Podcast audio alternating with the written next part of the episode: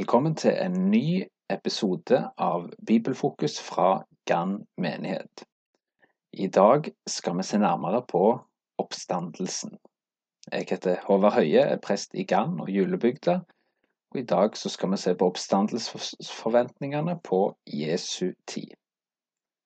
Paulus skriver jo i første Korinterbrev kapittel 15, i det som blir kalt Bibelens oppstandelseskapittel, vers 3-5, for først og fremst overga jeg til dere det jeg selv har tatt imot, at Kristus døde for våre synder etter Skriftene, at han ble begravet, at han sto opp den tredje dagen etter Skriftene, og at han viste seg for Kefas og deretter for de tolv.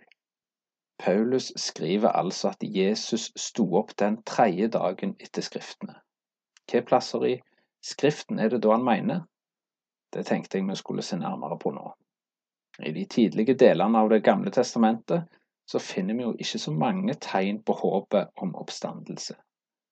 I Jobb 7,9 for eksempel så står det En sky løses opp og blir borte, og slik er det med den som går til dødsriket.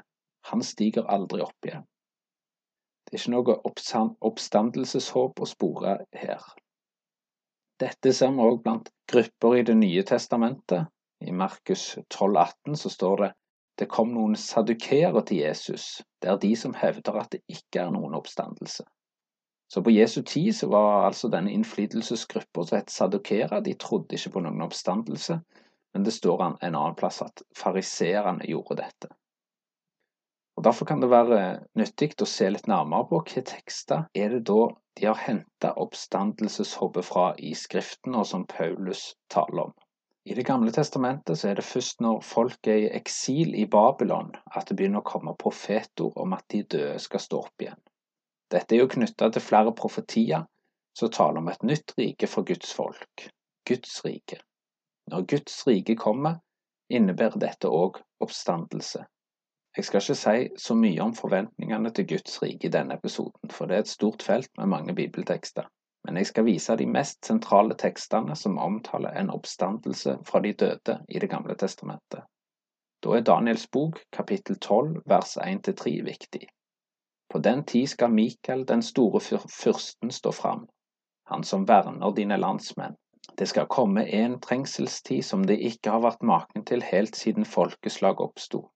Men på den tid skal ditt folk bli frelst, alle som har skrevet opp i boken og mange av dem som sover i jorden skal våkne opp, noen til evig liv, andre til skam og evig avsky. Da skal de forstandige skinne som den strålende himmelhvelvingen, og de som har ført de mange til rettferd, skal skinne som stjernene evig og alltid. Her kommer det tydelig fram at det kommer en dag der de døde skal stå opp igjen. De som sover skal våkne opp til evig liv, andre til skam og evig avsky. De som våkner opp til evig liv, skal skinne som stjernene, altså for et type herlighetslegeme. Et annet syn som kommer til profeten Esekiel under eksilet, som også vitner om at Gud kan gjøre døde levende, finner vi i Esekiel kapittel 37, vers 1-14. Herrens hånd kom over meg. Ved Herrens ånd førte han meg ut og satte meg ned i en dal som var full av knokler. Han førte meg omkring blant dem Se, det lå en stor mengde knokler utover dalen, og de var helt tørre. Da sa han til meg, Menneske, kan disse knoklene bli levende igjen? Jeg svarte, Min Herre og Gud, det vet bare du. Han sa, Tal profetord over disse knoklene, og si til dem, Tørre knokler, hør Herrens ord. Så sier Herren Gud til disse knoklene, Se, jeg lar det komme ånd i dere, så dere blir levende. Jeg fester sener på dere, legger på kjøtt, trekker hud over og gir dere åndedrett, så dere blir levende. Da skal dere kjenne at jeg er Herren. Jeg talte profetord, slik jeg hadde fått påbud om. Se, jeg profeterte, og det begynte å buldre og skjelve. Knoklene la seg inn mot hverandre, knokkel mot knokkel. Jeg så og se, det kom sener og kjøtt på dem, og hud ble trukket over. Men ånd manglet de. Da sa han til meg, Tal profetord til ånden, menneske, tal profetisk og si til ånden. Så sier Herren Gud, kom ånd fra de fire vindretninger, og blås på disse drepte så de blir levende. Jeg talte profetord slik han hadde befalt meg. Da kom det ånd i dem, så de ble levende. De reiste seg opp og sto på føttene. Det var en umåtelig stor hær.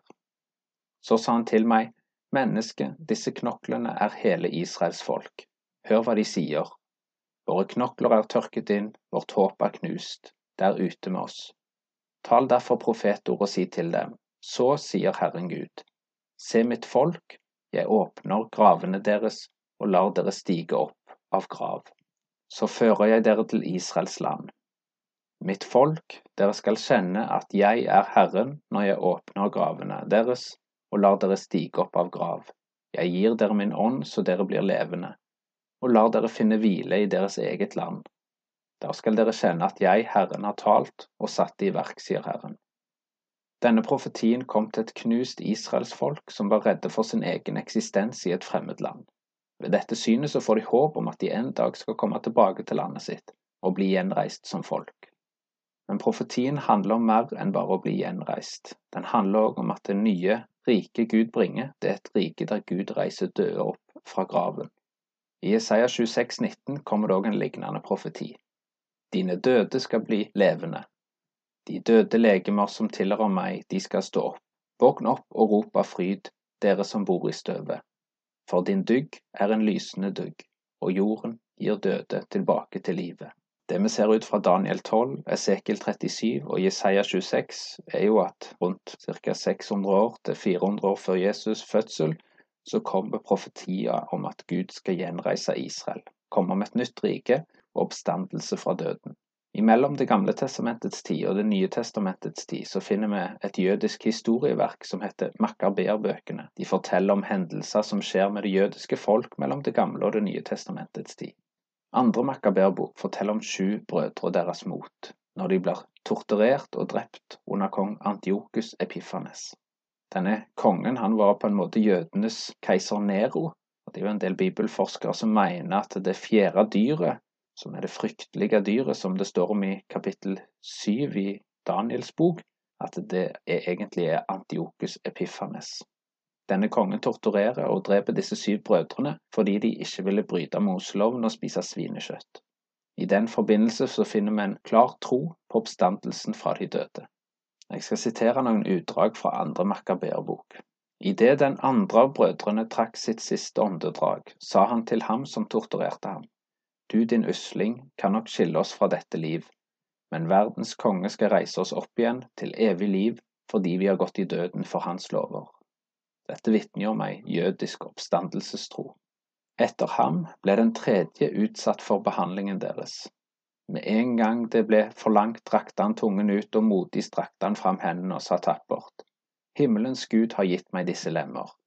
Hans lover betyr mer for meg enn lemmene, og av ham håper jeg å få dem tilbake igjen. Her finner vi altså en legemlig oppstandelsestro. Det er ikke bare ei stjerne på himmelen, men en kroppslig oppstandelse. Likeså sier en av de andre brødrene til ham som torturerer ham.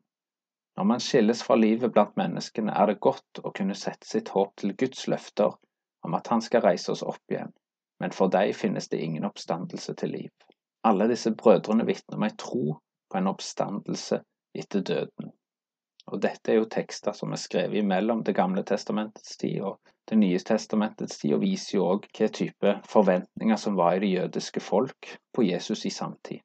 I beretningen om Lasarus så finner vi òg et klart uttrykk for troen på de dødes oppstandelse, og da er det på den ytterste dag. Din bror skal stå opp, sier Jesus. Jeg vet at han skal stå opp i oppstandelsen på den siste dag, sier Martha. Oppstandelse i jødisk sammenheng handler om oppstandelse på den ytterste dag, når Gud skulle holde dom. Så på Jesu tid fantes det åpenbart ulike forestillinger om livet etter døden. Når det tales om oppstandelse, er det noe helt annet enn sjelens udødelighet eller lignende.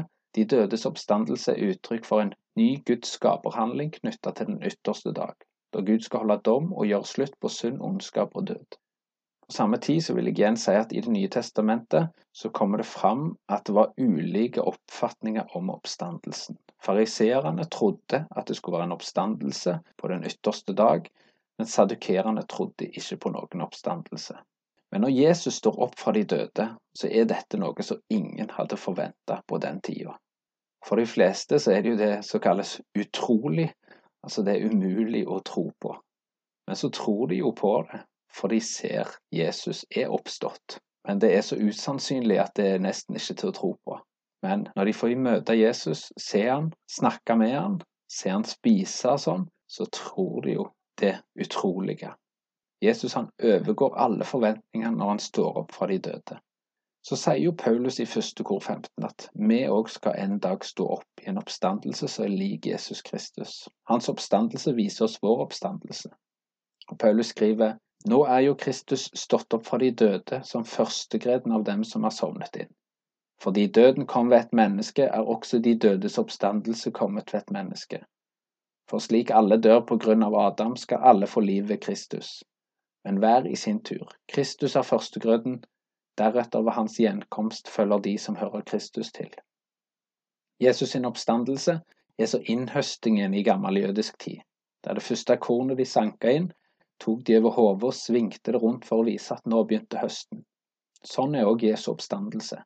Den viser oss vår oppstandelse når Jesus en dag kommer igjen. Les gjerne 1. Korinterbrev 15. Det er et fantastisk kapittel i Bibelen som handler om oppstandelsen.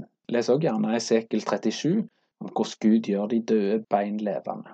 Så da sier jeg takk for i dag. Kristus er oppstanden. Ja, han er sannelig oppstanden.